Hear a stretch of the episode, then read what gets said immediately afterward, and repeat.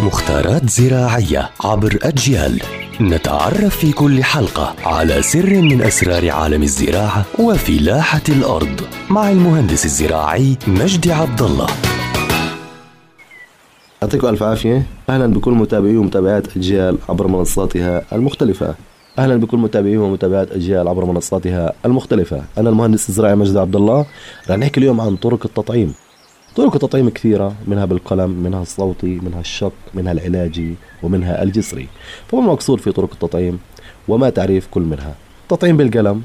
تجري هذه الطريقة باستخدام أغصان فوارع بعمر سنة تؤخذ منها أقلام تحتوي برعمين أو أكثر وتطعم هذه الأقلام على ساق نبات آخر يسمى الأصل كما يمكن تركيبه على عقل جذرية وتستخدم هذه الطريقة في حالة كانت النباتات معمرة.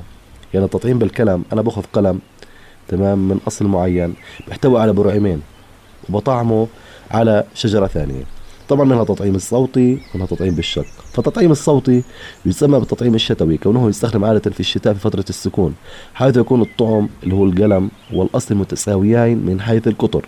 يعني التطعيم الصوتي يفضل دائما إنه يستخدم في فصل الشتاء. طعم بالشق لما يكون الفرع سمكه أو قطره أكثر من 2 سم ونص بيتم قطع الأصل أفقيا بشكل مستوي. ثم يشكل الأصل عموديا ويوضع به إسفين لتسهيل دخول القلم بطول 5 إلى 10 سم على أن يحتوي على ثلاث إلى أربع براعم. بمعنى تطعيم بالشق المقصود فيها أو التطعيم باللسان إحنا بنسميها بالطريقة العامية لما يكون عندي فرع الشجرة. سمكه أكثر من 2 سم ونص أنا بطعم القلم أو بطعم اللسان عليه. وبلف تب أو بلف ماستيك أو بلف نايلون عليه على أساس يثبت. فهي أشهر الطرق اللي أنا بستطيع تطعيم أشجاري أو نباتاتي فيها ويعطيكم ألف عافية.